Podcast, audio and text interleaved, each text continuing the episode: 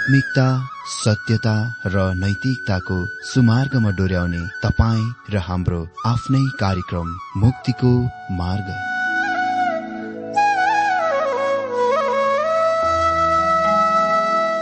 आदरणीय श्रोता यस मुक्तिको मार्ग कार्यक्रममा हार्दिक स्वागत छ। आशा छ यस आत्मिक कार्यक्रमद्वारा जीवनमा आत्मिक आशिष अलौकिक शान्ति र आनन्द प्राप्त गर्नुहुनेछ। र जीवनमा धन्य अनुभव गर्नुहुनेछ। आउनुहोस् श्रोता। मन र आत्माको तयारीको लागि यो मिठो अनि मधुर भजन गीत सुनौ।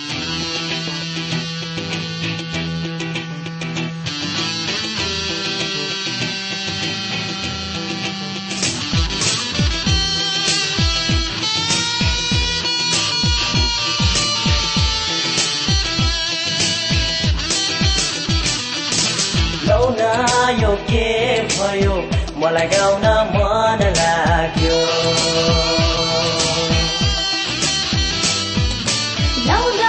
यो के भयो मलाई नाच्न मन लाग्यो। यसलाई पाएपछि सबै बोझा हटी गयो। सधैँ दुखी हुने यो मन अब खुसी हुन थाल्यो। यसलाई पाएपछि सबै बोझा हटी गयो। सधैँ दुखी हुने यो मन अब खुसी हुन थाल्यो। नयाँ जोसले चाहियो नयाँ जोसले चाहियो लौ न यो के भयो? मलाई गाउन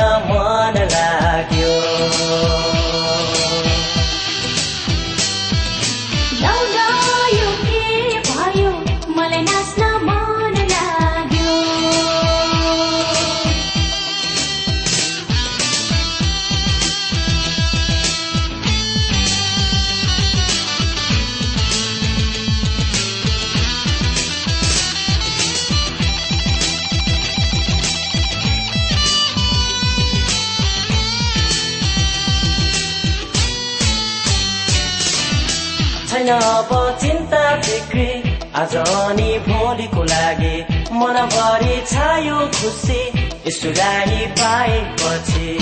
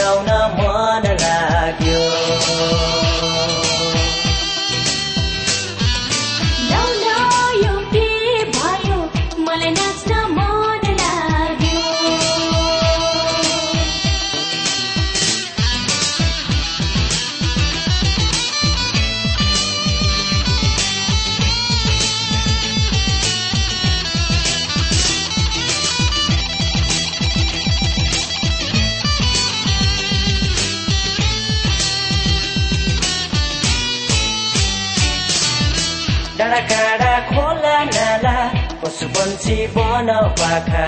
देख्छु सबै रमाएको गरेको संसार सुको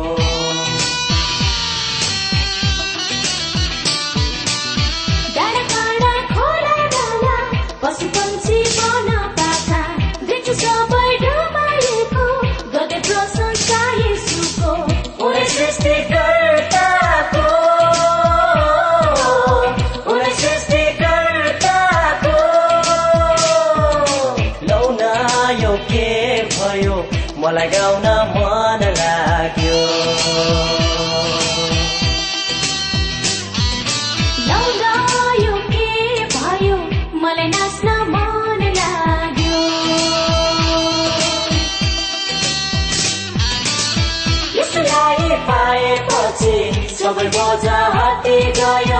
सधैँ दुखी हुने यो मन अब खुसी हुन थाल्यो। यसलाई पाएपछि सबै बोझा हटी गयो। सधैँ दुखी हुने यो मन अब खुसी हुन थाल्यो। नयाँ जोसले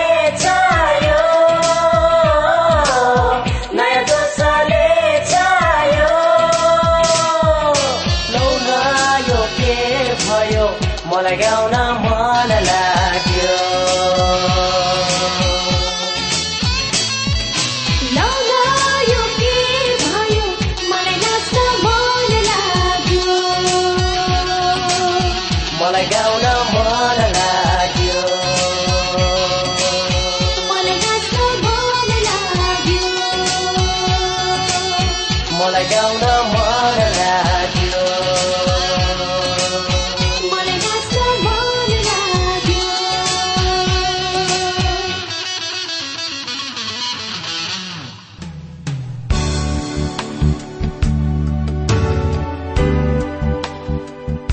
प्रिय श्रोता यो प्रसारण मार्फत यो अवगत गराउन चाहन्छौ कि प्रभुको सेवाको लागि यहाँहरूको साझेदारी नित्यन्त आवश्यकता छ। यहाँहरूले प्रार्थनाको साथसाथै आर्थिक सहायता गर्न अनुरोध गर्दछौ।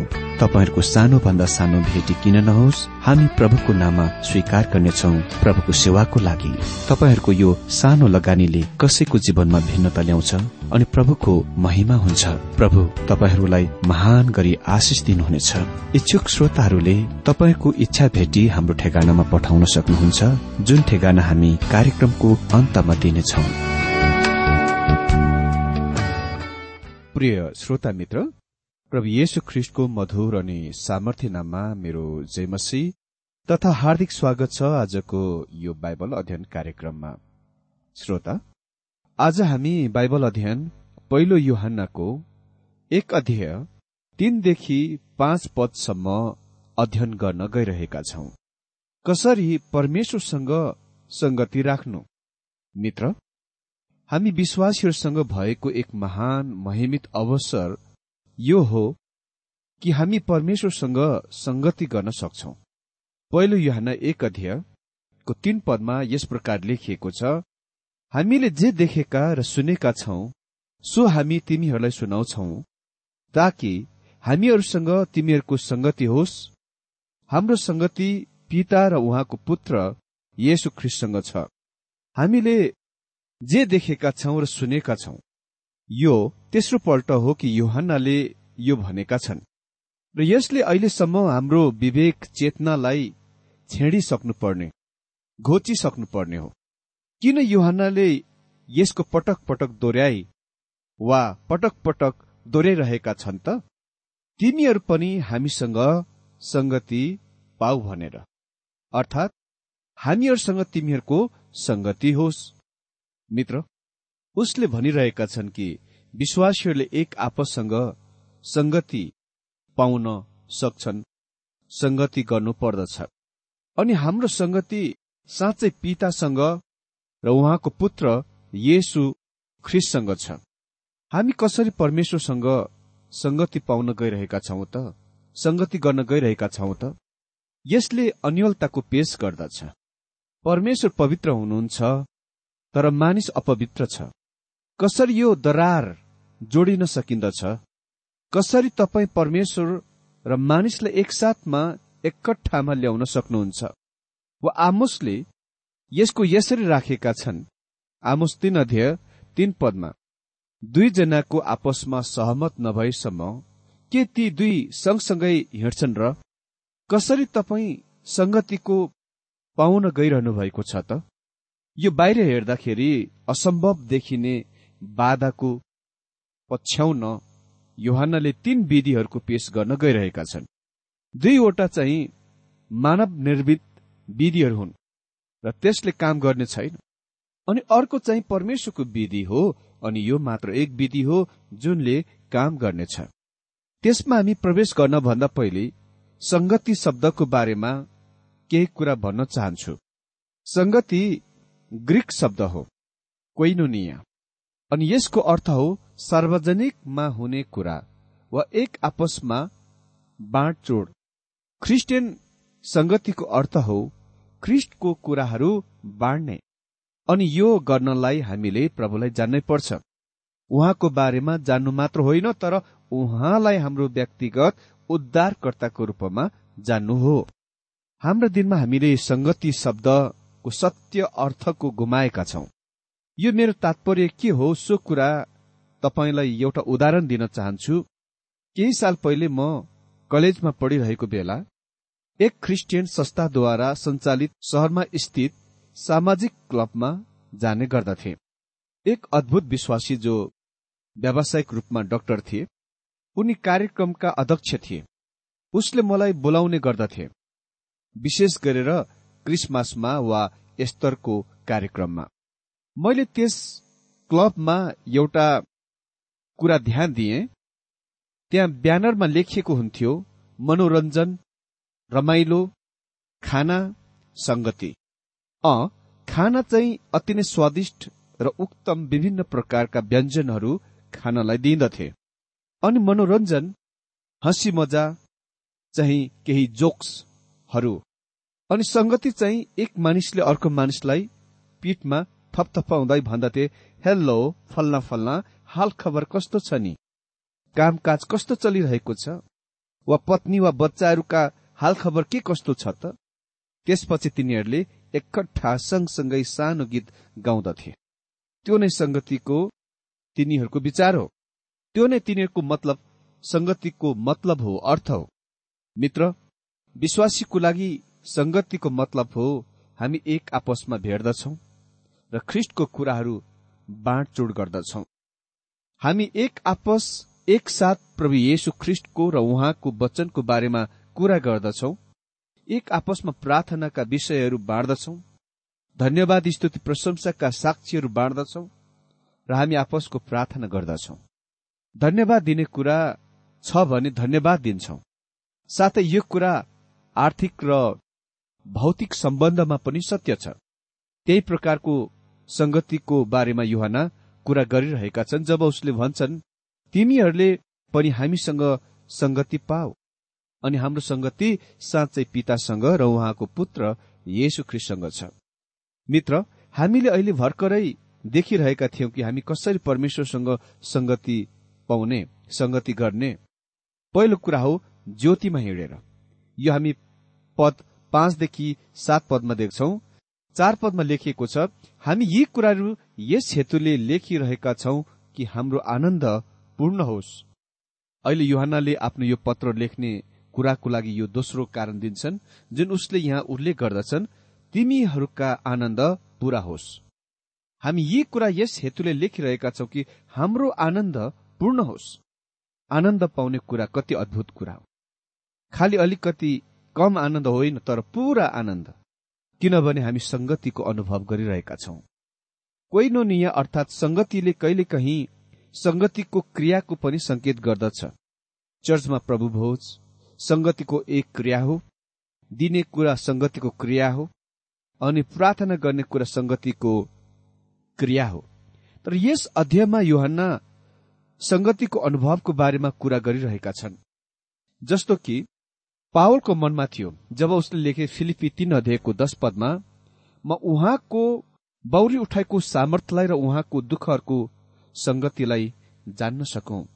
मेरो मित्र प्रचार गर्ने कुरामा अन्तिम उद्देश्य यो हो दोष सिद्धि कायलता र प्रस्तावद्वारा पुरूष र स्त्रीहरू उद्धारतिर आउन सकुन् र त्यसले तिनीहरूका हृदयलाई महान आनन्द ल्याउन सक्दछ जस्तो कि कुशी नपुसक जसले फिलिपको सहायताले ख्रिस प्रभुलाई थाहा पाउन सके। उनी रमाउँदै हर्षित हुँदै आफ्नो बाटोतिर लागे किन? किनभने उसले ख्रिस्टलाई थाहा पाउन सकेका थिए। युहानको पत्रको उद्देश्य यो हो कि तपाईँ र म एक आपसमा सँगसँगै एकसाथ ख्रिस्टका अद्भुत कुराहरूको बाँड्नु सकौं र परमेश्वरको आत्माले प्रभु येशुलाई र पितालाई हामी कहाँ त्यस्तो तरिकामा वास्तविक बनाइदिउन् ताकि हाम्रो संगति अति नै मधुर हुन सक अहिले हामी त्यो समस्यातिर फर्की आउँछौ जुनको मैले पहिले अघि पहिले नै सुरुमा उल्लेख गरेको थिएँ। योहानले भनेका छन् कि उसले यी कुराहरू यस कारणले लेखेका छन् ताकि हामी संगति पाउन सकौं र हाम्रो आनन्द पूरा हुन सकोस् र हाम्रो आनन्द स्वाभाविक रूपमा पूरा हुनेछ यदि हाम्रो परमेश्वरसँग संगति छ भने। तर त्यसको निप्ट्याउनलाई त्यहाँ बाधा छ। योहन्ना खास अन्यलताको सामना गर्दछ जुन प्रत्येक परमेश्वरको सन्तानले थाहा पाउँदछ। परमेश्वरसँग मानिसले पाउन सक्ने संगतिका सम्भावना त्यो एक महान अवसर हामी विश्वासीहरूसँग छ तर तुरुन्तै हाम्रा आशाहरू चकनाचुर हुँदछन् जब हामी त्यस्तो अन्यलताको सामना गर्दछौ वा भेट्दछौ। पाँच पदमा लेखेको छ जुन सन्देश हामीले उहाँबाट सुन्यौं र तिमीहरूलाई सुनाउँछौ त्यो यही हो कि परमेश्वर ज्योति हुनुहुन्छ र उहाँमा कति पनि अन्ध्यारो छैन।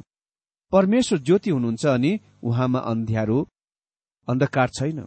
यसको मतलब परमेश्वर पवित्र हुनुहुन्छ र हामी जान्दछौ कि मानिस अपवित्र छ। कसरी यो खाडी वा दरार अद्भुत उद्धारकर्ता र यो फुच्चे प्रचारक बीच संगम हुन सक्छ मिल्न सक्छ त। ओ त्यहाँ कस्तो भिन्नता छ। हाम्रो बीच दरार अति नै ठाडो र गहिरो छ। कसरी परमेश्वर मानिसलाई एकसाथ ल्याउन सकिन्दछ त? परमेश्वर र मानिसलाई एकसाथमा ल्याउन। कसरी पापी मानिस परमेश्वरसँग हिँड्न गइरहेको छ त? युहानले हामीलाई भन्दछ कि परमेश्वर ज्योति हुनुहुन्छ। यो वास्तवमा परमेश्वरको परिभाषा हो। मैले यो युहानको पहिलो पत्रलाई तीन भागमा विभाजन गरेको छु र प्रत्येक भाग परमेश्वरको परिभाषा हो। पहिलो परमेश्वर ज्योति हुनुहुन्छ। दोस्रो परमेश्वर प्रेम हुनुहुन्छ र तेस्रो परमेश्वर जीवन हुनुहुन्छ। तर अहिले संसारमा हामी कसरी परमेश्वरसँग संगति गर्न गइरहेका छौं वा संगति पाउन गइरहेका छौं त? यो यस्तो देखाइ पर्दछ कि मानौ हामीले दुई कुराहरूमा एक कुरा गर्न गइरहेको वा एक कुरा गर्न गइरहनु पर्नेछ त। या त हामीले परमेश्वरलाई तल निच हाम्रो स्तरमा ल्याउनु पर्नेछ वा हामीले मानिसलाई परमेश्वरको स्तरसम्म माथि उठाउनु पर्नेछ तर मित्र यी कुनै एउटा कुराको पनि गर्न सकिँदैन। तैपनि मानिसले यसको कोसिस गरेको छ। युहानले पहिलो विधिको असम्भावताको देखाउँछन् र त्यसपछि हामीलाई परमेश्वरको महान परिभाषाको दिन्छन् परमेश्वर ज्योति हुनुहुन्छ। मलाई भनिएको छ कि आधुनिक विज्ञान त्यति धेरै यस कुरामा निश्चय छैन कि ज्योति के हो। यो इनर्जी शक्ति हो वा जड पदार्थ हो म्याटर हो। ज्योति के हो त? ओ ज्योतिको स्रोत एउटा कुरा हो। तर जब तपाईँ आफ्नो कोठामा ज्योति बाल्नुहुन्छ तपाईँको कोठाको अन्ध्यारो अन्धकार ज्योति भन्दछ अ के भएको छ? त्यो कुन कुरा थियो जुन त्यस कोठामा गयो र अन्धकारलाई धपायो? वा यसले अन्धकारलाई हराइदियो? किनभने जब ज्योतिको स्रोत जाँदछ अन्धकार कोठामा फर्किए आउँछ। ज्योति के हो त? अ युहना भन्छन् कि परमेश्वर ज्योति हुनुहुन्छ। उसले परमेश्वरको व्यक्तिको बारेमा धेरै कुराहरूको प्रकट गरिरहेका छन्। यद्यपि यसले परमेश्वरको विशेषता वा गुणहरूको सम्पूर्ण कुराहरू नढाके तापनि यसले उहाँको बारेमा धेरै कुरा भन्दछ। सर्वप्रथम ज्योतिले महिमाको चमकको सुन्दरताको र परमेश्वरको आश्चर्यहरूको बताउँछ। के तपाईँले पूर्वी आकाश हेर्नु भएको छ जब सूर्य महिमाको ज्वाला जस्तै आउँदछ? केही साल पहिले हामी केही साथीहरू मिलेर दार्जिलिङको टाइगर हिल हेर्न गएका थियौं। र त्यस टाइगर हिलबाट सूर्य उदय भइरहेको सुन्दर दृश्य देखिन्थ्यो र त्यसको निम्ति अति नै बिहान जानु पर्दछ। हुन त म त्यहाँ धेरैपल्ट गइसकेको थिएँ र त्यसको आनन्द उठाइसकेको थिएँ। मलाई अति नै राम्रो लाग्दछ। तर मेरा साथीहरू त्यहाँ कहिल्यै पनि गएका थिएनन्। त्यसकारण मैले उनीहरूलाई लिएर गएँ अनि मेरो साथीहरू त्यस सुन्दर दृश्य हेरेर मन्त्रमुग्ध भए। जब सूर्यमाथि निस्किरहेको बेलामा लाली किरण फ्याँकिदिइरहेको थियो। विशेष गरेर एकजना साथी त एकोरो भएर त्यस सुन्दरताको हेरिरहेका थिए। मैले सोधे साथी कहाँ हरायो उसले यो कथन बनाए। म परमेश्वरलाई नयाँ दिन बनाइरहनु भएको हेरिरहेको छु ओ त्यहाँ भएर परमेश्वरले नयाँ दिन बनाइरहनु भएको दृश्य हेर्न हेर्ने कुरा कति अद्भुत छ। अकस्मात सूर्य क्षितिजमा अलिकति देखा पर्यो त्यसपछि त्यो महिमाको ज्वालामा अगाडि सामने बढ्दै आयो। त्यसपछि म तपाईँलाई भन्दछु त्यहाँबाट हामी तल दार्जिलिङ शहरमा झर्यौं र त्यहाँ दिनमा त्यो सूर्य निकै गरम बने थियो। तर त्यो कस्तो अद्भुत सूर्य उदय थियो। परमेश्वर ज्योति हुनुहुन्छ। ओ परमेश्वरको महिमा चमक र सुन्दरता। ज्योतिको अर्को विशेषता हो त्यो स्वयं प्रकट गर्ने कुरा हो। ज्योतिको देख्न सकिन्दछ तर यो आफसे आफ स्वयं फैलिन्दछ। यसले अन्धकारको उज्यालो गर्दछ। यो प्रकट गर्ने कुरा हो। यसले मेरा हातहरू देखाउँछ। म धेरै पुस्तकहरू दिनौ चलाउँछु र मेरो एउटा हातमा गन्ध फोहोर भएको यसले प्रकट गरिदिन्छ र म बाहिर गएर आफ्नो हात धुन्छु ताकि मेरा पुस्तकहरू गन्ध फोहोर हुन नसकुन्। यदि त्यहाँ ज्योति नभए म मेरो हातमा हुने गन्ध फोहोर वा माटो देख्ने थिइनँ ज्योतिले त्रुटि र अशुद्धताको पनि देखाउँदछ। विटरले यसलाई यसरी कवितामा व्यक्त गरे हाम्रा विचारहरू तपाईँका दृष्टिमा खुला छन्। तपाईँका नजरमा नाङ्गो। हाम्रा गोप्य पाप ज्योतिमा र तपाईँको शुद्ध पवित्र चेहरामा छन्। डाक्टर च्याफरले सधैँ त्यसको यस तरिकामा भन्ने गर्थे यहाँ पृथ्वीमा गोप्य पाप उहाँको सामुन्ने स्वर्गीयमा खुला उदाङ्गो कलङ्क हो। हाम्रा पापहरू उहाँको बिल्कुल सामने छन् किनभने परमेश्वर ज्योति हुनुहुन्छ। साथै ज्योतिले परमेश्वरको श्वेत शुद्धताको र परमेश्वरको निष्कोट पवित्रताको बताउँदछ। परमेश्वर बिना छाया बनाइकन बढ्नुहुन्छ चाल चल्नुहुन्छ किनभने परमेश्वर ज्योति हुनुहुन्छ। उहाँ शुद्ध हुनुहुन्छ। सूर्यको ज्योति वास्तवमा पृथ्वीको शुद्ध गर्ने कुरा हो। यसले केवल ज्योति मात्र दिँदैन यो महान सफा गर्ने शुद्ध गर्ने कुरा पनि हो। हामी धेरै आफ्ना कपडाहरू लगाउने ओढ्ने र ओछ्याउने लुगाहरू बाहिर घाममा सुकाउँछौ। त्यस लुगाबाट दुर्गन्धहरू हटाउन सूर्य सफा गर्ने शुद्ध गर्ने महान कुरा हो। ज्योतिले परमेश्वरको शुद्धताको बताउँदछ। ज्योतिले मानिसहरूलाई अगुवाई गर्दछ यसले बाटो देखाउँदछ। आकाशमा ज्योतिले मानिसलाई साहस दिन्छ यसले निरन्तर बढ्ने हिँड्ने कुराको लागि साहस दिन्छ। म अर्कोतिर जाउँ।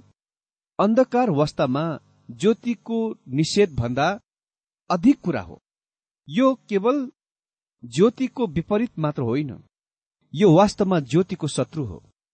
परमेश्वरको पवित्रता र ज्योति संसारको खराब दुष्ट अन्धकारसँग संघर्षमा छ विरोधमा छ।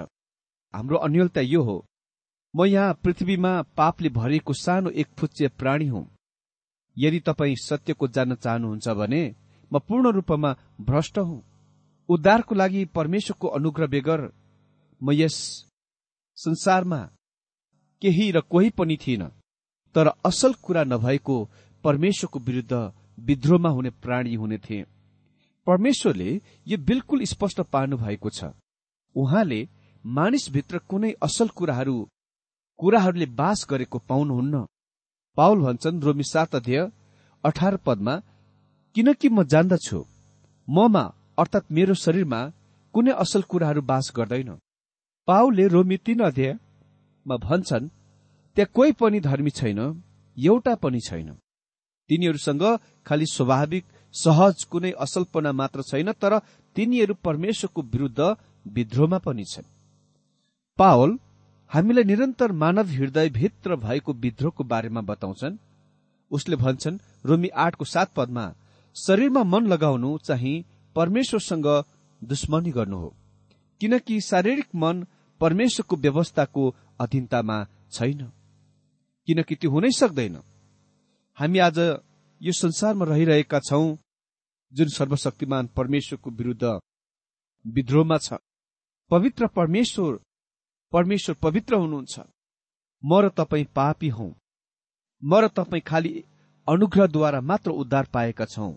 हजुर तर म कसरी तपाईँ र म उहाँसँग संगति पाउन वा संगति गर्न गइरहेका छौं त? कसरी हामी उहाँसँग हिँड्न गइरहेका छौं त? मानिसहरूले यो गर्न तीन विभिन्न विधिहरू वा तरिकाहरूको प्रयास गरेका छन् जुनको हामी अर्को दिनमा हेर्नेछौ जुन मध्ये दुई तरिका चाहिँ गलत तरिका हो।